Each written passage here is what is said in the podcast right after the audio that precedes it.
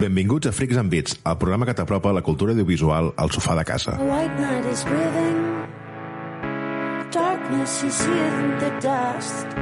The sun is all Avui, jugant-nos a la ruleta tot el nostre crèdit com a programa d'entreteniment, som Pau Sabés, Bon dia!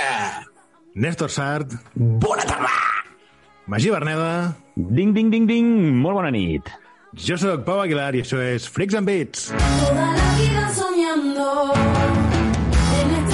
Avui tenim dissecció sobre Las Vegas, polèmica sobre les loot boxes, fricòmetre de Love, Death and Robots i videojocs de paraules.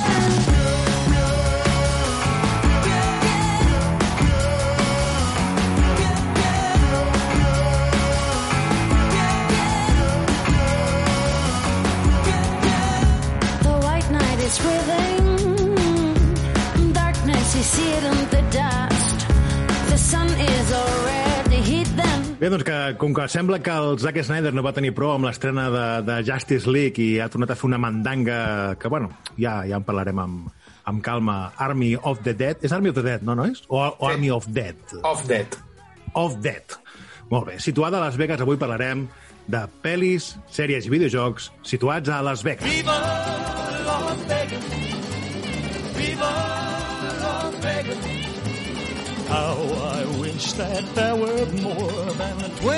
Ai, sí, Las Vegas, la ciutat del pecat. Doncs com no, Freaks and Beats ha portat quatre categories per classificar les pel·lícules que passen a Las Vegas. Començarem amb la primera categoria, que seria ànimes perdudes. La ciutat del pecat també pot ser un lloc ple d'oportunitats d'oportunitats per trobar farlopa, joc i putes. Aquest serà el leitmotiv de la majoria de les pel·lis d'aquesta categoria, el baix fons de la ciutat del desert. I començarem amb la pel·lícula que li va donar l'Oscar a Nicolas Cage, que és Living Las Vegas. Pel·lícula de l'any 1995, dirigida pel Mike Figgis, basada en el llibre del John O'Brien sobre un escriptor que se'n va a Las Vegas a suïcidar-se. I suïcida alcoholitzant-se. Duríssima, O sigui, sí, sí. es, es, es vol destrossar la vida eh, A copes, a copazos. És la pel·lícula Nicolas Cage eh, quan encara actuava perquè li agradava actuar, no perquè s'havia de pagar el viatge a Turquia. I també des eh, destacar l'Elisabeth Sue en el paper de, de coprotagonista gairebé d'aquesta El pel·lícula, que és romàntic. el, El Sí, romàntic l'autodestrucció. no? ell, el, ell el, el Nicolas Cage fa de Ben Sanderson, que és un escriptor que se'n va a Las Vegas a suïcidar-se, i eh, coneix l'Elizabeth Sue, que fa el paper de Cera, que és una prostituta que l'acompanyarà en aquest viatge autodestructiu. Pel·li duríssima, Duríssima. molt dura, i, i que parla d'això, d'aquest viatge a, als inferns, per dir-ho d'alguna manera, de l'escriptor en el seu intent de, de suïcidar-se. eh, eh, però és molt, és molt bèstia com ella es va, vas veient com es va desfent i es va desintegrant i hòstia, és un paperot del Nicolas Cage que a mesura que va avançant la pel·li cada cop és més dur perquè a més va tenint la relació aquesta en paral·lel que és com una petita espurna que la ferra encara no a la, al món al- a la real vida, i sí. a la vida i tal i hòstia, encara és més dur, tio. Jo aquesta pel·li no l'he vist, però esteu, esteu definint realment el paper d'allò de vull guanyar un Òscar, quin paper puc fer? Aquest. Aquest Sí. paper per guanyar un Òscar, fantàstic. I, i jo anava a preguntar, eh, podem considerar que aquesta pel·lícula és pel·lícula teràpia o pel·lícula d'aquestes que si la veus dius ja no veuré, jo sé que l'alcohol és dolent? Sí, bueno, és, és... Sí, però no és, més, no és més una crítica a l'alcohol, perquè ell, ell decideix destruir-se amb l'alcohol. No és que l'alcohol l'estigui destruint, Val, val. Sí, no, no és un alcohòlic que... Sí, ell, és, en comptes de Sí, fotre's és- un tret al cap, decideix que ell ho farà a, a, a base de, de bus. De fet, és més, és més terapèutic el vídeo del David Hasselhoff menjant-se l'hamburguesa Sí, puta. que, per que no pas aquesta pel·lícula. Entrem a la segona pel·lícula, un altre clàssic, Miedo y asco en Las Vegas. We were somewhere around Barstow, on the edge of the desert, when the drugs began to take hold. Pel·lícula de l'any 1998, dirigida pel Terry Gilliam.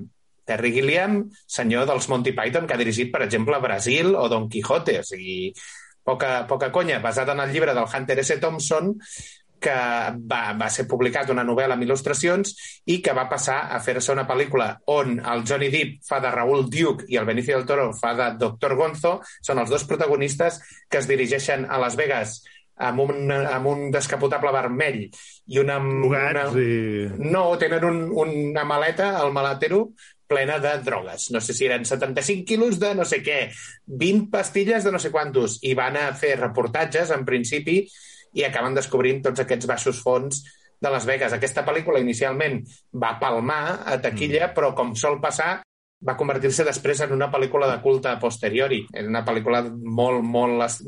És molt característic el paper aquell del, del Johnny Depp amb el, Amb el barret de pescador. vergo blanc, les ulleres d'Elvis i el cigarro en boquilla.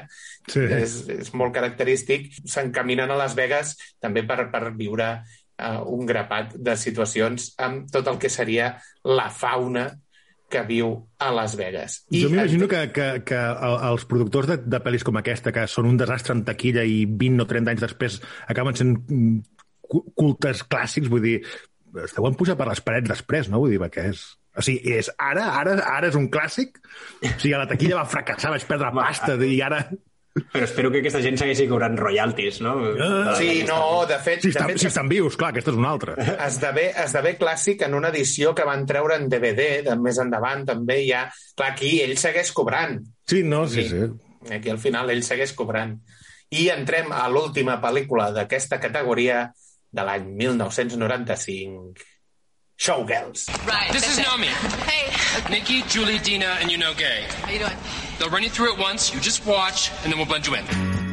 Aquesta, aquesta pels pèls, eh, no? Estiu, com a, com a Això és droga, droga duríssima. Això és dirigida pel nostre una altra, una altra princesa Disney, tio, intentant demostrar lo molt que ha madurat. dirigida pel Paul Verhoeven, que va venir d'Instinto Básico i tal, i va dir el sexo vende, pues agafem el vostre ídol de la infància, que és l'Elizabeth Berkley, que qui no ho sàpiga venia de Salvados por la Campana, i això va fer que hi hagués un boom de taquilla. Vegades con la campana, ella molt modosita, molt recatadeta, Sí, però... ella, sí, sí. Era, era, l'estudiosa. Era la que representava bones notes. Doncs mira, Magí, ja els hi pots dir als teus alumnes, tu estudies i acabaràs despullada en una barra de bar. Mare de Déu. El, el tema, l'argument de la pel·lícula és eh, pura fantasia. La Elizabeth Berkley és una noia de poble que se'n va a Las Vegas perquè es vol convertir en corista del casino. Però, òbviament, les oportunitats sempre es tronquen de camí a Las Vegas, és atracada i acaba ballant en antros de mala mort, cosa que propicien moltes escenes de pit i cuixa perquè sí. És com quan... Aquesta, eh, és que va ser un hype a la nostra adolescència només per la, pel pur morbo de, de veure pit i cuixa. eh? Però és com Demi Moore, Demi Moore uh, striptease. És... Per què? Perquè, perquè la volem veure com voles. O sigui, algo molt, molt, molt superficial tot plegat. Era una icona eròtica també, la Demi Moore en aquella època. Però sí, sí, vull dir, però que és una qüestió purament sexual. Vull dir que no, no, la pel·li no té absolutament sí, sí, res no, no. més. Sí, sí. No, i a part que si l'heu vist, si l'heu vist i heu analitzat l'argument, l'argument és lamentable. Sí, o sigui, sí. La pel·lícula aquesta és horrible. Però bueno, també hi surt la Gina Gershon, que fa de, que fa de la corista principal, la Crystal Connors, que és la corista principal del casino, on ella després entra de ballarina i acaba buscant-li el lloc, i surt el Kyle MacLachlan, El Twin gent Peaks, el, el Twin dolent dels. Picapiedra, sí. El dolent. Mira, com te n'en recordes? Quina referència. Mira, més. És un actor saps, mític, aquest home. Eh? saps qui tenia de secretària, no? Ah, la Halle Berry. Ahí està. Ahí està. Aquest és el de Twin Peaks, no? Vull dir, potser és un Sí, el de Twin més, Peaks més important a la seva carrera. és el capitán, el capitán de Como conocí vuestra madre, que és aquell tio que és capaç de, de somriure i fer terror en una que si, mateixa... si el mires, li mires la, el somriure és, és, és, és, és felicitat i si li tapes la boca és psicòpata a punt de matar-te. Molt bé, aquestes serien uh, les tres pel·lícules que hem posat a ànimes perdudes. Ara entraríem a la categoria robatoris. On hi ha un casino, hi ha diners. Siguem els més llestos de la classe i quedem-nos-els. Aquí entraria Ocean's Eleven i 13, que ja en vam parlar al programa de robatoris i que si uh, voleu saber què vam dir, que eren comentaris d'extrema qualitat, un programa que ha canviat vides a molta gent, podeu recuperar-lo en els nostres podcasts, o l'altra pel·lícula, que seria Smoking Aces o Aces. Will you tell me what that is? Look at the collar on that coat. What does that look like? That's stain. Pel·lícula de l'any 2006 amb el Jeremy Piven fent de Woody Israel, el Ray Liotta, el Ben Affleck i, atenció, Ryan Reynolds fent ja els seus primers papers de Ryan Reynolds de Puleja. l'Andy García i És un la pel·lícula, Tara... aquesta, eh? Sí, bueno, és, és, Jo m'ho vaig és, passar molt bé amb aquesta pel·li, tio. A més, és un altre intent, és un altre intent de fer aquestes pel·lis de tipus el que seria uh, Snatch, per exemple, que mai saps per on acabarà, perquè Sí, hi ha personatges grups. molt teatrals no? i molt pintorescos i el, el, el mag aquest, el- el- l'Israel, és, és brutal. Tio. El, també aquest que és un borratxo i un, un drogadicte, però que també és el, del món de l'espectacle, que ha de testificar contra la màfia, l'han de protegir...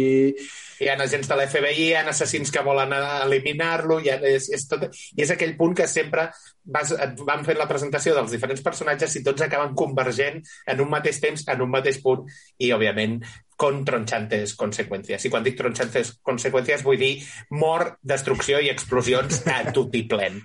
és una pel·lícula que està bé, està bé, és entretinguda, és divertida, és acció, no li demaneu certa profunditat. Ara entrarem a la següent categoria de Las Vegas, que seria mafiosos. Si es pot treure diners amb el vici i la debilitat humana, aquí hi haurà l'organització criminal per endur-se un trosset de pastís. I aquí hem posat el que seria un dels peliculotes de Martin Scorsese, que és Casino. Meeting in the middle of the desert always made me nervous. It's a scary place. I knew about the holes in the desert, of course, and everywhere I looked, there could have been a hole.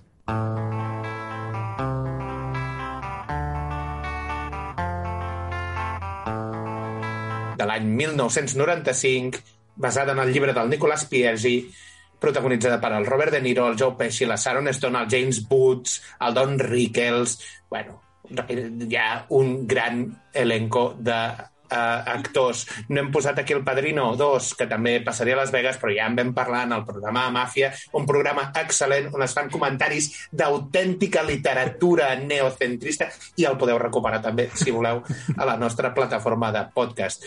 Què dir de Casino? És un pel·lículon. Per mi, una, per mi potser la segona millor pel·li de màfia després de Goodfellas. Per mi, personalment. Eh, És que hi ha top 3, molta top 3 xitxa... amb el Padrino.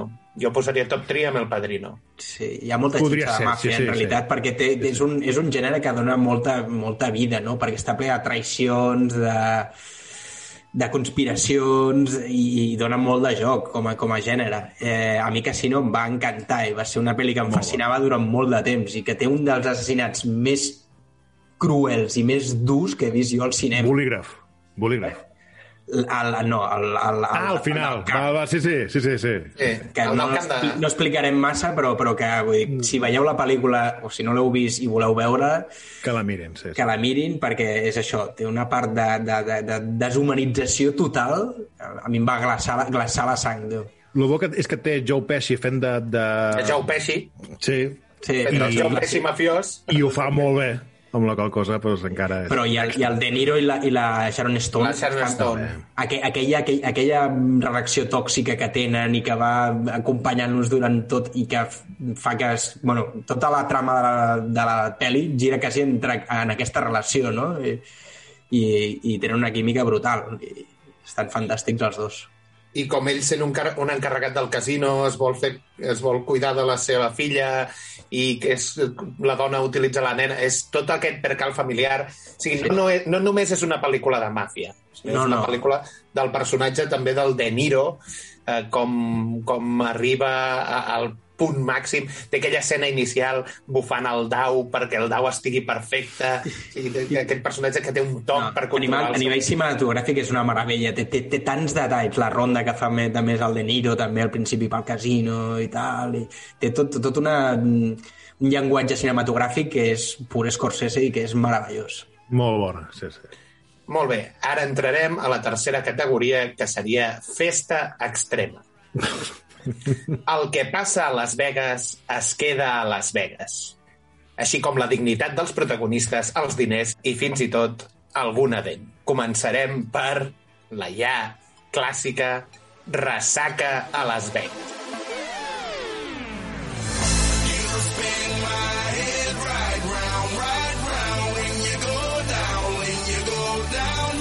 de l'any 2019, protagonitzada pel Zach Galifia, Galifianakis, el Bradley Cooper, el Justin Barda, l'Ed Helm i la Heather Graham. Uns amics que li munten un comiat de solter a un col·lega i es desperten l'endemà a casa, a la- a l'àtic que han llogat sense el col·lega que es casa l'endemà amb un tigre al lavabo, un sense una dent i amb un bebè. I a partir d'aquí has de reconstruir la nit. Típica pel·li de backtracking, no? De veure què... Crec que no ens en recordem de res, tenim un blackout total i és, és comèdia profunda i gamberra. És I- comèdia caca color pedo pis. L'escena final amb la música de Floraida, amb aquella versió dels Dead or Alive de Spin Me Around, on vas veient totes les fotos Les del que ha passat. una vegada, no? I fan, fan tota la passada, és brutal. I perquè més portes tota la pel·li imaginant-te com no, com, hauria, com, com no hauria haver sigut la nit aquesta tan boja, que no recorden res i que t'estan explicant tantes anades d'olla i la, la passada final per totes les fotos de la nit és, és genial. I jo no sé si, si, si penseu com jo, de les pel·lícules d'humor de la, dels darrers 10, 15, 20 anys, aquesta és molt bona. Jo crec que fa molt bé la seva feina de, de fer riure. És, és, és molt, no és un scary molt... movie, òbviament. Vull dir, No, no, és una no. comèdia diferent. I no, i no, té, no té humor semàntic, tampoc, no? Això està clar. Això ja, no és humor ja la descarta pel Magí.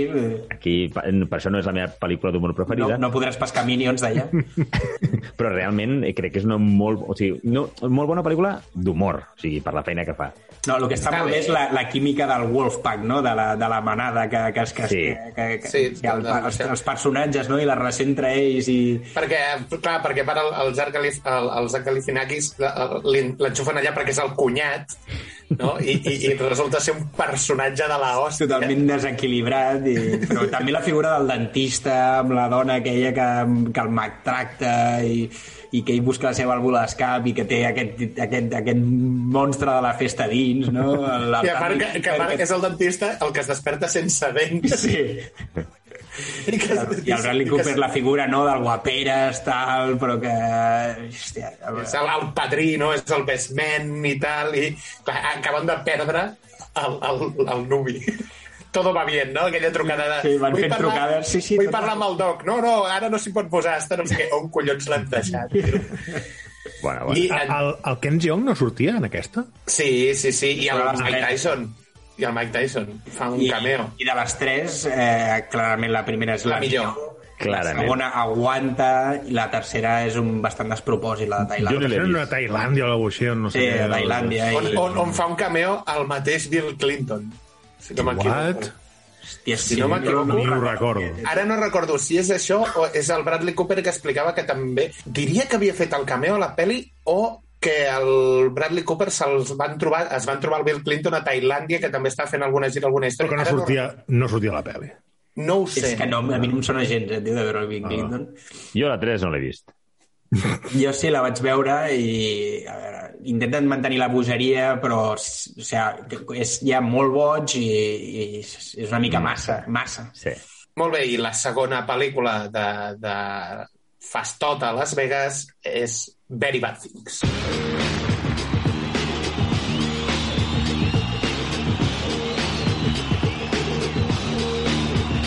Pel·lícula de l'any 1998, dirigida pel Peter Berg i escrita pel Peter Berg. Peter Berg, de director, per exemple, de Lone Survivor, Battleship o la sèrie uh, Friday Night Lights, que si no l'heu vist i us agrada el futbol americà, heu de veure. Sí, Protagonitzada... el, el programa també de- d'esports. El programa d'esports, en que podeu recuperar amb programa- comentaris de literatura.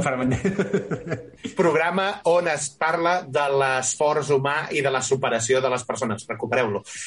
Però, tornem a Very Bad Things, protagonitzada pel Christian Slater, el oh sí gran John Favreau, la Cameron Diaz i el Leland Orsner. Un comiat... Ah, perdó, i el Jeremy Piven. Un Torna a comiat... sortir.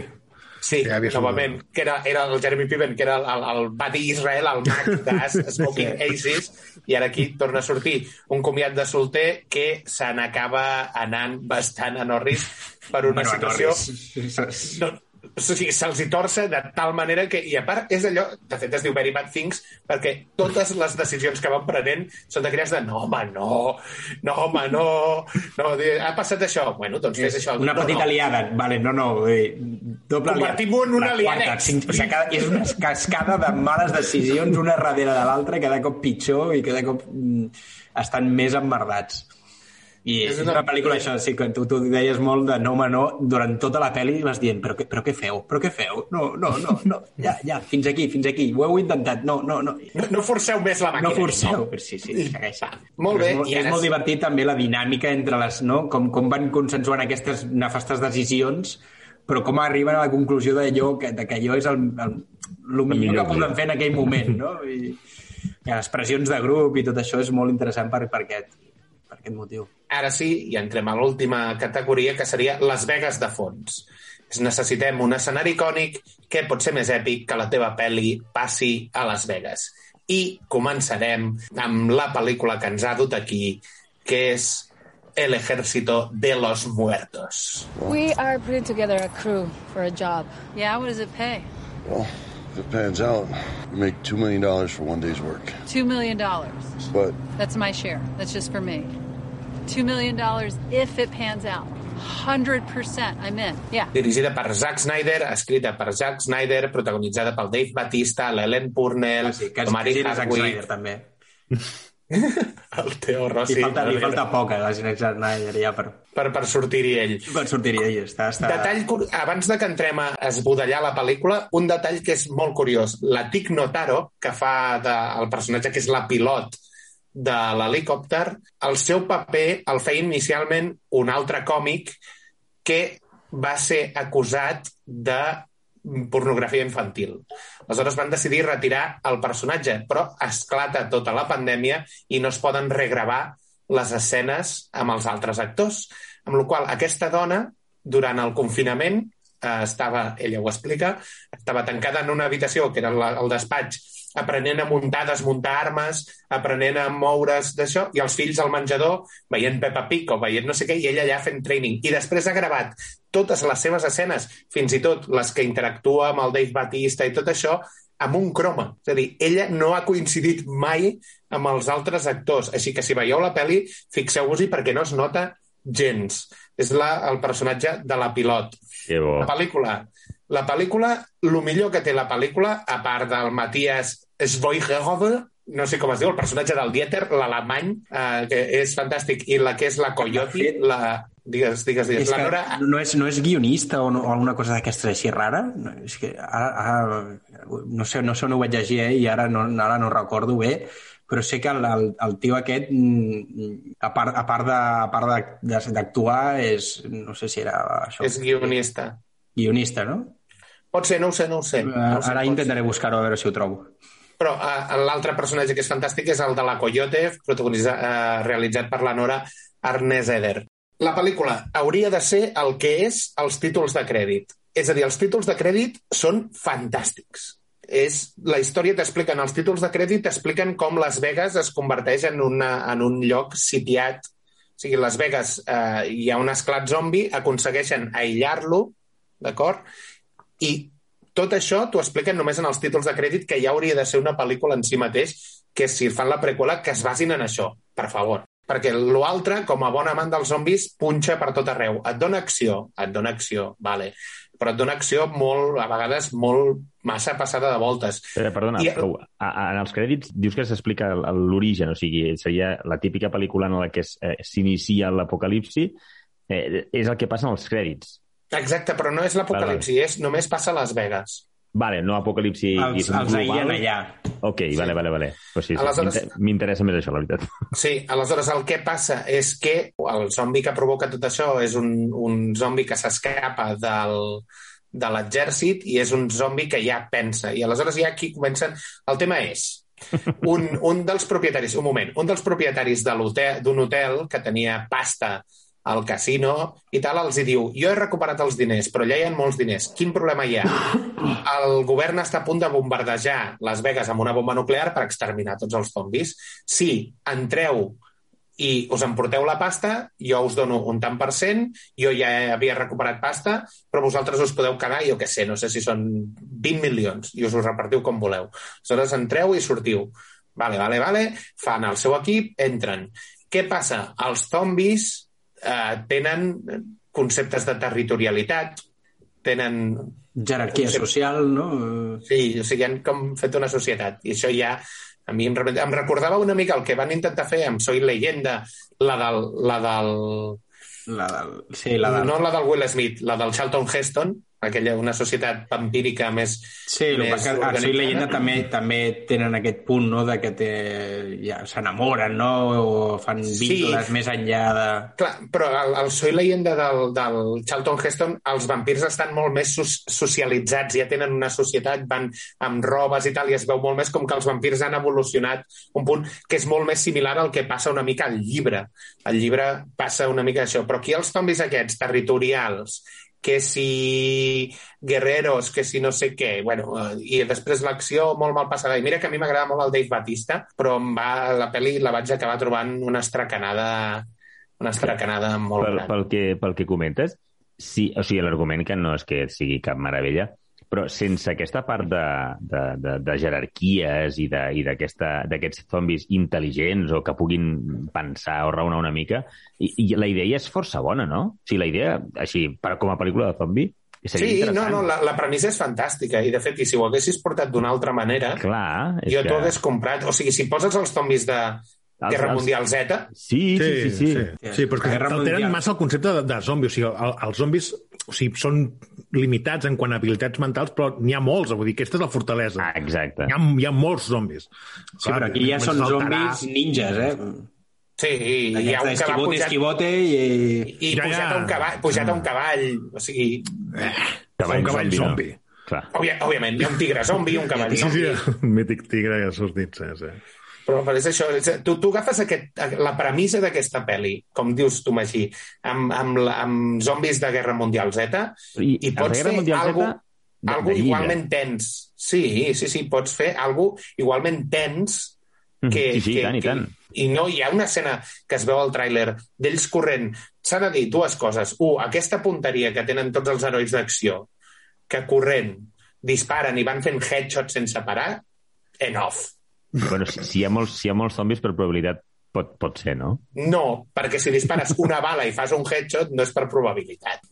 Dir, no, no, no, això no... I aquella escena que van ells corrent per sobre les taules del casino i van disparant així a banda i banda com si anessin corrent rotllo Heidi i van matant zombis headshot em recorda aquells snipers del Call of Duty quan el posaves al nivell hard que des de la cadera et fotien també trets al cap. I que dius, no, això no, no t'ho compra ningú. I si no, que t'ho diguin a tu que t'has enfrontat a hordes al Days Gone, no?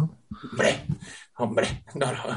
I a part que quan t'estan venint 200 paios, no estàs allò, li faré un headshot, vas a aturar, i aturar és bulto. Quan vaig veure el tràiler jo ja em suposava que la pel·li seria el que és, i en efecte la pel·li ha sigut el que és. S'ha de dir que no hi ha tanta càmera lenta com acostuma a utilitzar el Zack Snyder, no? Menys mal. Hòstia. Quan dura la pel·li, per cert? Són dues hores 19, em sembla. Dos de nou. Sí, si no m'equivoco, eren dues hores i, Ara. i algo. Podem dir que és el curtmetratge del Zack Snyder, no? Sí, sí. Pau, transforma tota aquesta mini-opinió en una crítica, tio, dóna-li una nota. És que venim, o sigui, sapiguem què ella ha fet Si comences donant arguments... No, sapiguem que ella ha fet uh, Down of Dead, aquesta pel·li li fotria un 5 i mig, 6. Però no l'aprovis. És més del que jo pensava, eh? Clar, No, no, Sí? perquè... És que si té zombis és com jo amb, No, amb, perquè amb, la amb intro- el Cuero, saps? Si és Matrix, Matrix 8, jo l'aprovaria amb nota, saps? No, però no és nota, eh? és un 5 i mig. Mira, a, a IMDB té un 5 amb 9 i a Metascore un 57, o sigui, Mira. 5 i mig, 6 ja és una mica el, el rating que s'estan portant. Vinga, nois, seguim, que se'ns tira el temps a sobre. Pel·lícula de l'any 2007, Resident Evil Extinction, escrita pel Paul W.S. Anderson, aquest cop no la dirigeix, protagonitzada per la Mila Jovovich, Loder el Ian Glenn i un llarg, etc. Aquesta només passa a Las Vegas i l'hem posat perquè surt Las Vegas en una escena determinada. Siguiente! És una autèntica castanya de pel·lícula. Noche de Miedo.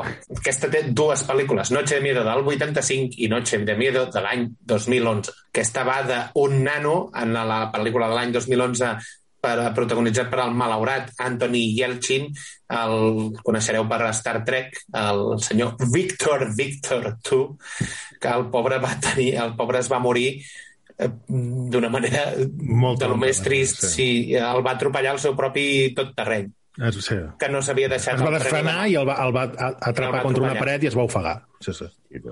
En aquesta pel·lícula eh, hi ha el David Tennant, coneixereu per Doctor És Who, boníssim el paper del David Tennant, és molt bo. el Colin Farrell fent del veí, el Christopher Mintz-Plasse, que aquest és el, el McLovin, si el coneixeu de Super Salidos, o el Dave Franco, el germà del, del James Franco, o l'Imogen Putz. Eh, bueno, és una pel·lícula de vampirs que ja en vam parlar una miqueta al programa de vampirs, que el podeu recuperar. Hòstia, estem fent refregit, eh, nois, tio? No, no, hem de, hem de, hem de aportar cultura i acostar als nostres oients, nous oients, a el que són les nostres millors mandangues. I acabarem amb una altra pel·lícula on hi surt Las Vegas, pel·lícula de l'any 1996, Mars Attack. When I'm calling you.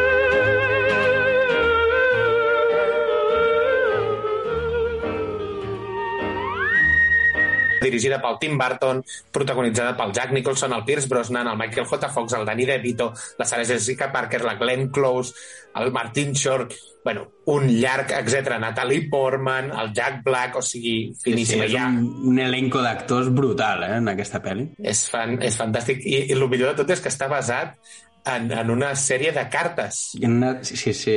una col·lecció de De, cromos. bueno, de cromos, sí, exacte. Sí, sí, sí. Vam fer uns dibuixos dels cromos del, de tal, d'una invasió dels marcians i tal, i, i d'allà en van treure la pel·li. Ja en vam parlar en el seu moment també el Jack Nicholson que fa de president dels Estats Units i fa d'un promotor d'un casino de Las Vegas a la mateixa pel·lícula. Aquestes serien les pel·lícules una miqueta que passen a Las Vegas. No m'heu deixat posar Conner. Va, digue-la, Estic- tio, que tant... Conner, Conner, estic molt trist perquè Conner em direu, però si passa en un avió, no, però a terra a Las Vegas. I Això és aquí suficient. teníem... Volia portar la dupla, la dupla de Nicolas Cage. El Nicolas Cage guanyador d'un Òscar, donant-ho tot, el Nicolas Cage venint de la família Scorsese, o sigui, un tio de mètode brutal que ho dona tot, i després el Nicolas Cage, passat de voltes, Intensito. unes... Mega intens. És, és, és el mega intens sense ja mm, cirurgia. És el previ a la cirurgia. Tot i que porta aquell pentinat tan horrible La melenita. Cal, calveta i melenita, no? És... Sí, una mica Santiago Segura, entre duques no? I, i grenya llarga. On és una pel·lícula que té el John Cusack, el, el La pel·li és un clàssic, és un clàssic. És, un- és una mica un, és un trunyete d'acció, fresquet... El trunyete fresquet no està bé. És una pel·li d'acció clàssica, tio, dels, dels, dels 90. Pot entrar a la llista, Pau, si, si hi ha una tragaperres a dins de, del, de l'aeroport. Si és així, contem com que... Bueno, que... hi ha una escena on l'Steve Buscemi juga a les tragues. O als daus, em sembla que jugava. No, no recordo, els daus o les tragues. No sé, però, està, però, però guanya, sí que va guanyant. Tio, que, que... Se tiene tot el mundo. és el paio aquell, el, el, el paio aquell que el porten, tio, que els propis criminals, que són violadors i psicòpates, el porten acollonit. Sí, sí. Perquè fa, fa de pedòfil, em sembla, o així, no? De, de, de... Bueno, d'un assassí pedòfil que, Sí, que, va, sí, sí. que, que fa aquells comentaris eh, eh, que, eh, com, com si qui fa un comentari tipus ah, em vaig casar en aquest edifici. Diu, una vegada vaig creuar un estat amb el cap d'una nena per barret i vaig creuar tres estats amb el cap posat de barret. Saps? I l'altre se'l mira plan, uou! Sí, sí, estan tots acollonits de l'Steve Hòstia, Buscemi. I, i, lo, i que és lo, lo, la part més de tensió d'aquesta part és quan està amb la nena aquella jugant en el... En el, en En el- al Al final, no? De la, Sí. de la... Que penses, hòstia, no, tio, va, no, tio, no. I al final, ah, adéu, adéu. Sí, sí. Molt bé, ara ja entrem a sèries. Us en porto tres, rapidetes. La primera, CSI Las Vegas.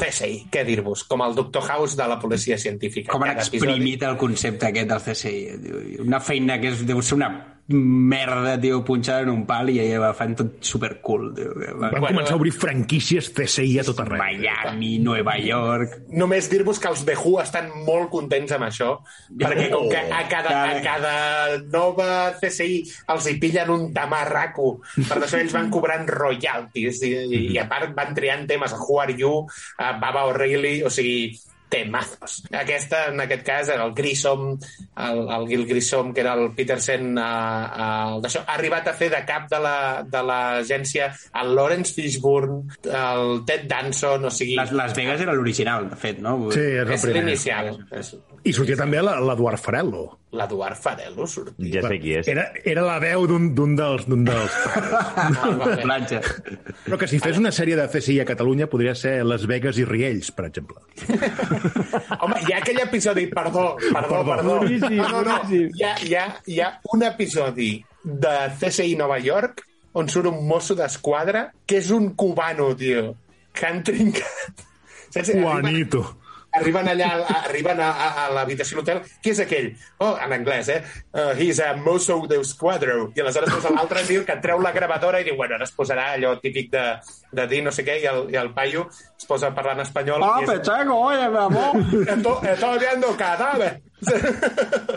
Tot molt folclòric, no? Sí, De fet, em sembla que també en algun TCI sortia el Pau Gasol com a mort. No, no, no. Sí, En sèrio, tio? Sí, sí, sí, sí. I hi havia també algun episodi de Las Vegas que havia dirigit el Quentin Tarantino, o sigui que ha donat per molt. Segona sèrie. Aquesta és un spin-off de la pel·lícula Legión, protagonitzada pel Paul Bettany. Legión és una pel·lícula que representa que Déu ha perdut la fe en la humanitat i envia a les seves eh, legions d'àngels a exterminar la humanitat. Però Miquel, Miquel eh, es posa a favor de la humanitat i defensa una noia embarassada que ha de parir aquell dia i si el nen arriba a terme, Déu perdonarà els humans. I passa tot en un bar de carretera on hi ha el Dennis Quaid. És una pel·lícula que està prou bé. A Tu, Pau, jo crec que t'agradarà. És una pel·li d'acció bastant fina i de tensió. bé. I Dominion és la sèrie que seria el, el que passa després d'aquesta pel·lícula, uns 20 o 30 anys després d'aquesta pel·lícula. Aquest, No això, aquests són els que treballen per mi, no? Els Dominions. Corre per un tupido velo i entrem a l'última sèrie que es titula directament Las Vegas, on hi ha el protagonista, el Josh Duhamel, marit de la Fergie, cantant dels Black Eyed Peas, el James Caan. La sèrie o la Fergie? La Fergie. Jo amb la sèrie vaig estar bastant enganxat, eh, en aquesta merda de sèrie. És, és Hi una... havia el, Ja- el James fresqueta. Caan en, bus és James Caan en busca de més dinero fent de director, Ed Delaney tio, fent de director del, del, del casino. Arriba a haver-hi el, el Tom Selleck també fent d'allà per- de director, la Nikki Cox, que la coneixereu per Matrimonio con Hijos. Era, era un, gran, un, un gran mix de, de, de xurris que sempre els hi fotien vestits de nit amb escotes vertiginosos i tios molt duraques i amb trajes de molta I, pasta. I sobretot extralimitant-se en les seves funcions constantment. Eh, perquè eren dos segurates de casino que acabaven Déu fent de polis com els Baywatch, com els Baywatch, tio. I has de perseguir un carterista o desactivar una bomba nuclear. tio. Baywatch in Pursuit, no? Sí, Baywatch. que, que, ja, si recupereu el programa sobre Baywatch, la pel·lícula que en vam parlar, que, que és el punt aquest de que, que el, tota l'estona el Zac Efron els va dir però si sou vigilantes, vull dir, què collons esteu parlant? De, de, Això, el concepte de persecució dels, de, de Baywatch no existeix. O sigui, No, no, no, no, no, perseguia ni- ningú.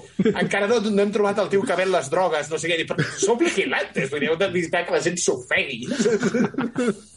Molt bé, i fins aquí la repassadeta de, de sèries i de pel·lícules. Molt bé, Magí, parla'ns de videojocs que passen a Las Vegas. Eh, Us en porto tres, a veure, rapidet també. El Die Hard Trilogy 2, Viva Las Vegas, eh, publicat per Fox Interactive a l'any 2000. Estem tirant una mica enrere ja, eh? Es nota, com diu el Pau, el nostre boomerisme. Eh, videojoc publicat per PlayStation 1, la PSX, i PC. Eh, El primer, el primer hi vaig jugar tantes hores. És el que anava a dir. Jo aquest, el segon no, no, em sembla que va tenir força mala crítica i no, no jo que no, no el vaig arribar a tenir ni a jugar.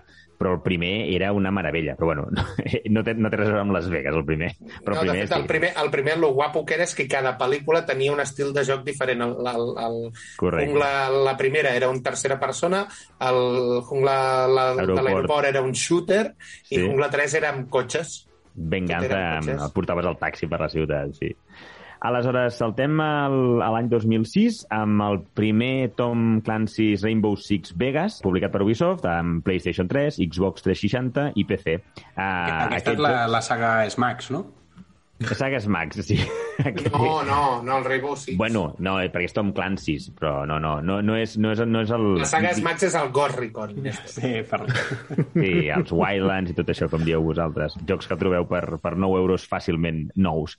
Doncs aquest Tom Clancy Rainbow Six Vegas, eh, això, va tenir, això és del 2006, va tenir una segona part del 2008 i ve a ser un shooter eh, tàctic en tercera persona. És d'aquests shooters que no és un joc d'acció de, de, de ves a lo, a lo loco, sinó que vas amb una, amb una petita unitat eh, i has d'anar doncs, donant diverses tasques al, als teus, eh, als, a l'equip, no? I és això, i mesura bé els trets que fas, és més, més eh, allò, jo, més el, pausat. el problema, el, el Rainbow Six Siege, que va tenir molt, va tenir molt, molt sí. puig Sí, en l'online i encara el té, Sí, sí. no em va donar el que m'agradava del Rainbow Six original, que era, que era molt tàctic entrant cada un per un lloc sense tios molt específics. Aquí van convertir personatges com amb molts amb rols molt marcats, en canvi allà era com si tenies un franctirador i tal, però era tot molt més tàctic. Aquest era mata-mata a gas. Sí, molt, més multijugador la idea aquesta, Mm. multijugador que ens va- portar els Call of Duties. I llavors l'altre joc pepino, que aquí el Pau i l'ens en parlarà una mica més, que seria el Fallout Las Vegas, desenvolupat per Obsidian i publicat per Bethesda, la nostra estimada Bethesda, al 2010 per PlayStation 3, 360 i PC. És un spin-off, realment, el, aquest Fallout Las Vegas és un spin-off de la, de, de la saga principal. I vaja, el, aquest, a, si, jo aquests de, de Fallout sóc poc de Fallout. Uh, aquest no, no ni l'he jugat, però sí que sé, uh, amb el que vaig llegir el seu dia i ara fent una mica repassada per portar-vos aquests tres jocs, la, la crítica el, el va deixar molt bé. Els fans de Fallout, he escoltat via Twitter, que en segueixo molts, eh, realment eh, parlen molt, que- quasi, quasi que diria que millor del Fallout eh, Las Vegas que del Fallout 3. No sé què en penses tu, Pau. Jo que vaig començar a, a, a jugar a jocs de de Bethesda amb el Fallout 3, el Fallout 3 em va encantar i el Fallout eh, New Vegas no em va acabar d'enganxar. Sí que és veritat que millorava certs aspectes del joc, sobretot de jugabilitat. Gràficament era molt semblant al, al, al Sí. 3, però crec que la història del New Vegas, que no està malament, però punxa respecte al 3. Per mi el 3 és millor. Millor joc en global que el, que el New Vegas. Opinió personal, òbviament. Sí, sí, sí. A- Aquí, aquí eh, també porto dos, dos detallets que no, no sé ben bé, bueno, com a jocs. Porto una referència que seria el Dead Rising 2, aquest joc que, que en el que portes el Frank. Bueno, en el 2 em sembla que no portes el Frank, no? Sí, sí, sí. sí està, segueixes- comences, segueixes és el que comences amb una carrera de motos i sí. acabes... Aquest, aquest està... Diré que sí, que busques a la teva filla tota l'estona. Aquest a mi em va agradar, em va agradar. En el, molt prim, bo. en el, el primer té lloc a un centre comercial, el segon... No, aquest també. Sí, però és el centre comercial, és el que anava a dir, que, que tot i que sembla Las Vegas, eh, és a Nevada, però la ciutat es diu Fortune City. Però no, no sé si per el tema drets o alguna cosa no, no la podien, no podien dir. Joc del 2010, i aquest és dels jocs que, que també en vam parlar al, al programa passat, o, o fora de micro, ara no recordo, que, que portes un joc en tercera persona on es caracteritza per tenir molts zombis en escena i No, on sí, sí, una- sí, en vam, parlar, en vam parlar al programa passat que vaig dir el comentari de que és un mussou de zombis. Ah, exacte. Oh, I, I que la gràcia de poder construir les teves armes i juguetejar amb els zombis. En vam parlar perquè era un port per Wii, o tenia un port per la Wii. Tenia un port per la Wii, exacte. exacte. Podeu recuperar el programa anterior amb el Xavi ja, ja, que, que... Prou ja, prou ja. I l'últim detall que porto, que aquests, jo, jo us anava a proposar si teniu algun record en el món dels videojocs, d'algun escenari, d'algun lluitador, d'alguna cosa que diguis, mira, això de Las Vegas... Les ventures. Jo, jo el que tenia molt clar era el de les ventures, aquest és mitiquíssim, no? El GTA San Andreas, eh, any del, do- eh, joc del 2004, Rockstar, i no, no cal, no cal presentar-lo, i, i que crec que tots ens va ben passar les el, meu, nostres... el meu únic acostament al gambling ha estat amb, amb, amb les ventures, que, en què feia una mica de pasta, anava que allà havia. a jugar a tot a vermell o negre, i si duplicar la pasta o perdre-ho tot i tornar a començar. Això, això al, al GTA V també hi ha quasi... O sigui, els va molar molt el rotllo i el, i el Red Dead Redemption també tens gambling per un tubo, al GTA V també tens gambling. Sí, a, a, amb el GTA s'ha de reconèixer que era una cosa... O sigui, ja, ja hem parlat més d'una vegada que el GTA San Andreas era un, un joc que, que no, al nostre cap, fin, fins que no va sortir aquest joc, no, no enteníem que pogués cabre tot allò en un joc, no? i tot el que podies arribar a fer. I a les aventures és l'últim estat en el que arribes, representa que, que, que, que ja has fet moltes coses i llavors te n'adones que pots entrar als casinos i pots jugar a molts jocs diferents. Vull dir, això era com un no m'ho puc creure, encara hi ha més coses, no? Molt, molt bèstia, molt bèstia. No sé si teniu algun, alguna referència vosaltres del món dels videojocs a, a algun, a algun personatge o així, no? Sí, Street Fighter hi ha El Vega. No, doncs escolta'm una cosa, hi ha el Vega, però el Balrog, el, el Ahà, boxejador sí, negre, el seu combat, ai, el seu, No. el seu escenari... És Tailàndia, no, també? No, no, és, és el de Las Vegas. Segur? Seguríssim. Bueno, sí, sí, sí, representa el Tyson, tio, i les seves Sí. velades aquestes Sí. a Las Vegas. Sí, sí, sí. sí. Mm, molt bé, gràcies, Magí, per aquesta llista de videojocs de Las Vegas. I ja que estàvem parlant de Las Vegas i el, el, el joc i jugar-se als calés, eh, Magí, ens volies parlar del tema dels loot boxes, no? Sí, sí, us he portat aquí una de les polèmiques que el, el, darrerament, ara s'està sembla que les coses estan centrant una miqueta, però que, que han arribat al món del videojoc amb tota la conya dels micropagaments que van apareixent en molts videojocs, doncs us porto aquesta idea de les loot boxes, que si hi ha algú que ens escolta i que no sap de què va això, doncs, bueno, loot, traducció literal del loot és Lu- Lucrar-se. Saquejar, Sí, seria. sí. saquejar seria potser saquejar, el, el verb és saquejar, no? Sí. Doncs ca, ca, caixes de, de, amb el botín, no? La, la idea aquesta. Llavors, eh, la polèmica que tenen aquestes loot boxes és que, abans d'explicar-vos què són, la polèmica en si és que acosten la ludopatia, o hi ha molts ulls, que, molts pensadors que pensen que a la, a la, estan acostant la ludopatia a nens, nenes i adolescents, no? Llavors, de què va això de les loot boxes? Doncs es tracta d'un sistema de compra dins del propi videojoc on els jugadors i jugadores no saben què hi ha dins de la caixa, sobre o cofre, és igual l'objecte que utilitzen al videojoc, fins que no ho has comprat.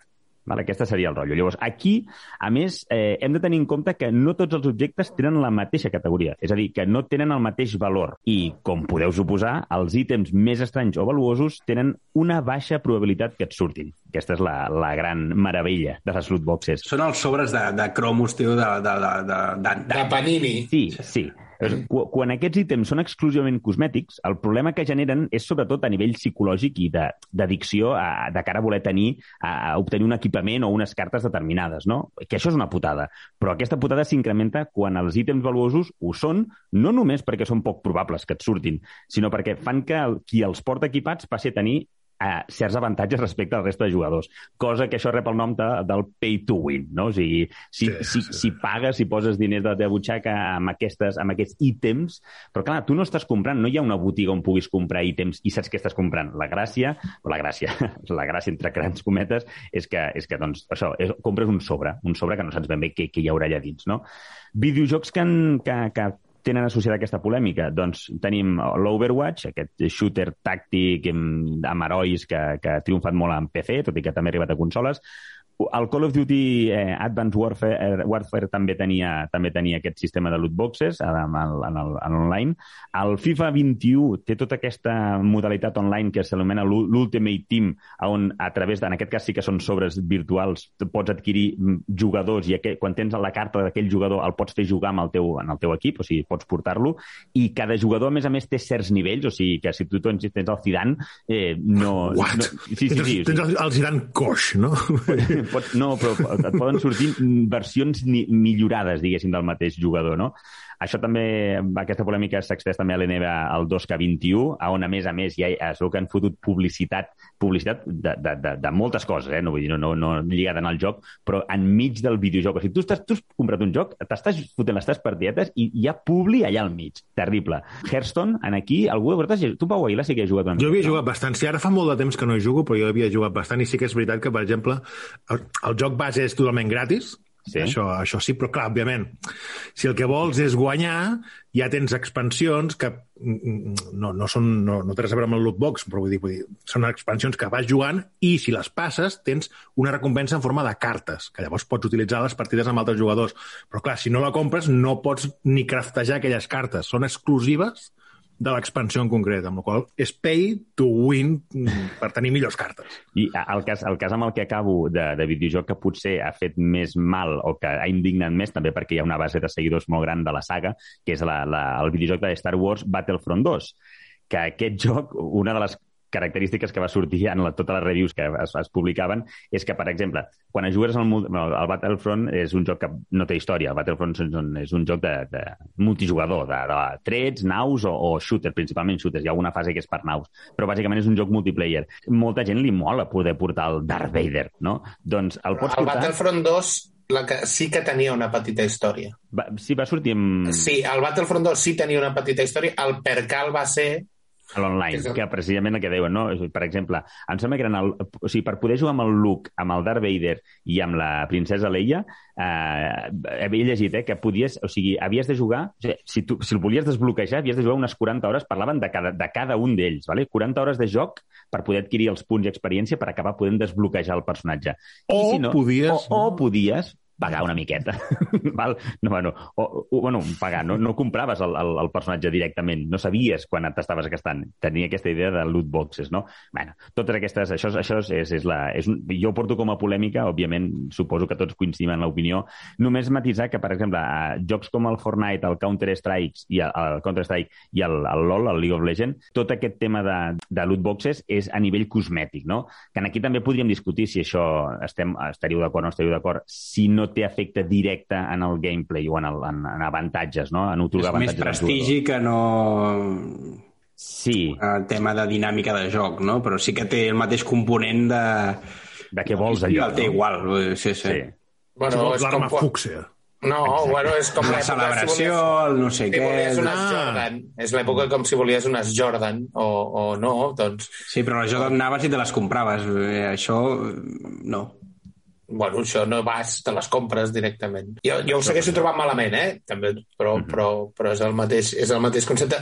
Volia dir que el, el tema del Battlefront 1 podies portar Luke Vader i tota aquesta gent sense haver de pagar, el qual és molt guarrete que en que en una 2. segona part tirin enrere amb aquesta merda. Bueno, tirin enrere. Sí, sí, sí. És- És una guarrada, és una guarrada. Doncs res, eh, volia, volia he aprofitat, crec que era un bon moment per parlar de- de- d'aquest tema que podríem lligar-lo molt al joc, no? A Ludopaties Sí, i de sí. més. Que estàs fomentant aquesta ludopatia ja d'entre entre el jovent. Jo això és el que més dubtes tinc, en- en- per exemple, que has dit tu, Néstor, per, perquè a la nostra època eren els cromos, clar, i no sé si hem estat més exposats nosaltres a la ludopatia pel tema dels cromos que els, que el jovent d'avui Però era una sèrie limitada, saps? Vull dir, el Cromos, un... un- i a més podies... Sí. Hi havia el, el component de trueque, saps? Tu podies... Sí. Sí. El, els que tinc, els que no tinc, i que els intercanvis. Mercadets! Sí, el que hi havia potser Era un una, una enveja de qui ho tenia i qui no ho tenia, però no hi havia una competició com és, com, com és un videojoc, que t'enfrontes a altra gent directament. I, I les hores, les hores que hi fots en aquest videojoc. Sí. I... Sí.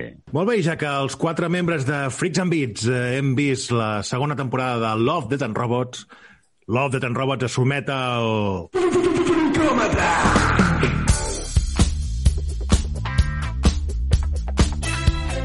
Fa dos divendres es va estrenar la segona temporada de Love, Dead and Robots. Dues coses a destacar. En lloc de 24 episodis en tenim 8. Cosa que... Uau, uau, uau, uau. Però bueno, també, també han dit que, que, que faran l'any que ve hi haurà una altra fornada. Saps què vol dir això, Pau? Una fornada de 5 episodis, no? No, però, però saps què vol dir això, Pau? Saps què vol dir això, no?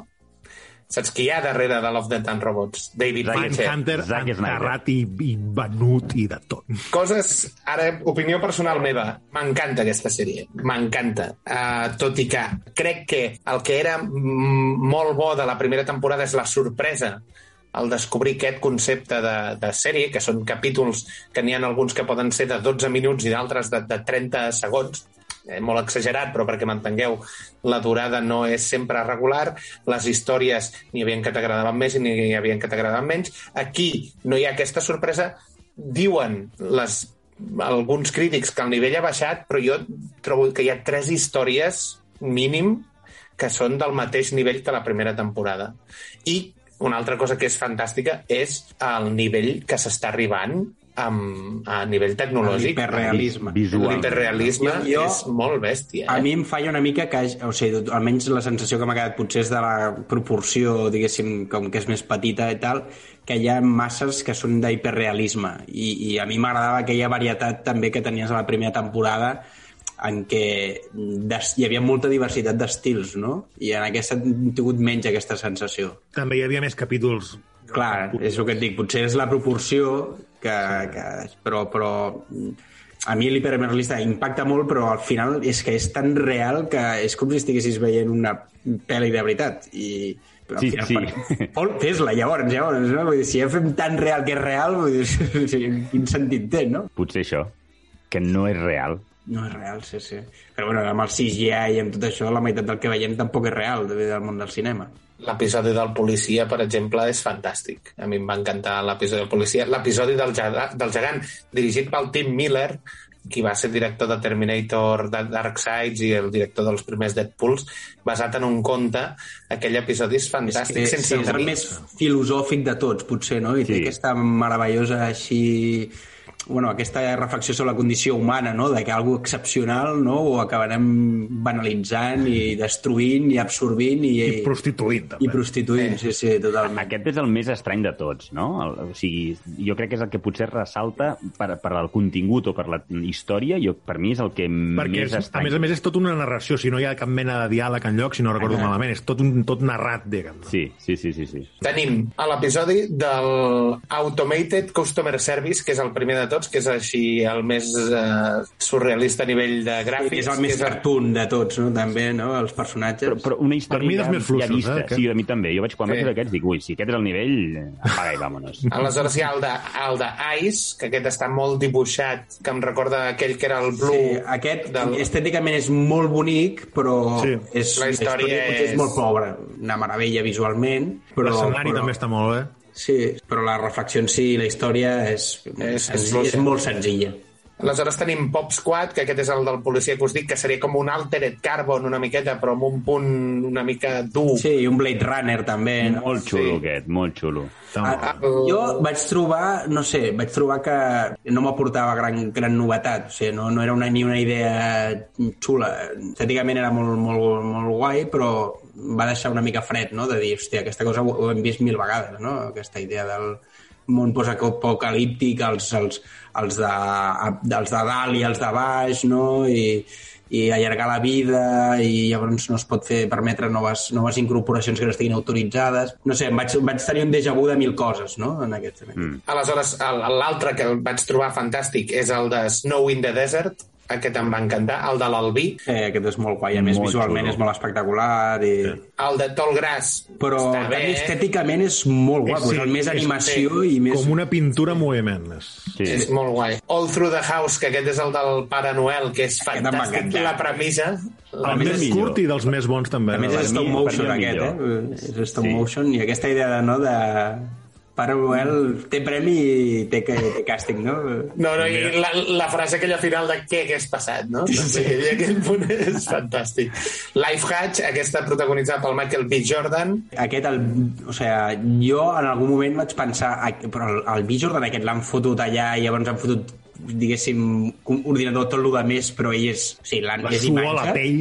Sí, és perquè és, és, és brutal. Aeret Alien, també, que... Mm. I l'últim, el del gegant ofegat, que ja n'hem parlat. Molt bé, nois, poseu nota. Jo li posaria un... És que m'agrada molt aquesta sèrie, m'agrada molt... Sí. I tot No, i que no, ha baixat... la jo li segona posaria un- temporada. Nota la Ui, segona no, temporada. sí, sí, sí. Per això us dic, m'agrada molt el concepte, m'agrada molt la sèrie, jo li poso un 8. Néstor, la teva nota? Jo li poso... Sí, podria, podria estar d'acord, sí. 7 7,8. Magí? 8,2. Vull que sigui un 8. Molt eh? rodonejar el 8, no?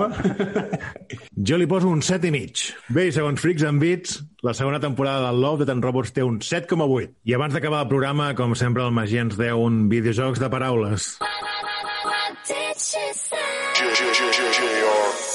Doncs uh, us el porto i, com és ja habitual, no és meu, sinó que és algun dels meus minions. De, Oh, serà bo avui. De, de fet, sí, d'un dels minions que està passant, és, deu ser el meu minion preferit, perquè és del Noommaster 666.mp4. Oh. Diu, s'obre el taló i es veu una successió d'animals atropellats en una carretera. Es tanca el taló. Nom del videojoc? Animal Crossing. Bé, bé, bé. Bo, bo. I, i ja aprofito aquí, a part de, ah, ja, crec que li hem d'agrair, no? Tenir, Sí. no, no, no només per aquesta videojocs de paraules que ens va regalar Només per fer- tant. per fer-te la feina, sinó també per... No, o sigui, d'entrada se li ha d'agrair que de tant en tant videojocs de paraules és bo i no és gràcies al Magí, Que sinó pugi el nivell de, de la secció del Magí. A ell i Tinc, senti tinc sentiments, eh, jo, però bueno, aneu fent, aneu I fent. somos persones, no? Hem d'agrair-li no només el nivell que puja cada setmana, sinó que a sobre ens ha fet arribar unes enganxines Freaks and Beats perquè el Magí marqui a la gent que li està fent la secció. O sigui que si veieu pel que aneu caminant pel carrer i us trobeu gent que té enganxines de frics en bits, és, És un mínim del Magí. Li heu de, li heu de, li heu de tractar amb respecte. Sí, sí, però detall, detall de qualitat, eh? Sí, sí. Detall de qualitat. Moltes gràcies. Moltes gràcies. gràcies, Noobmaster. 666.mp4. Marca registrada. Molt bé, fins aquí el programa d'avui. Gràcies, Pau Sabés. Gràcies i bon dia.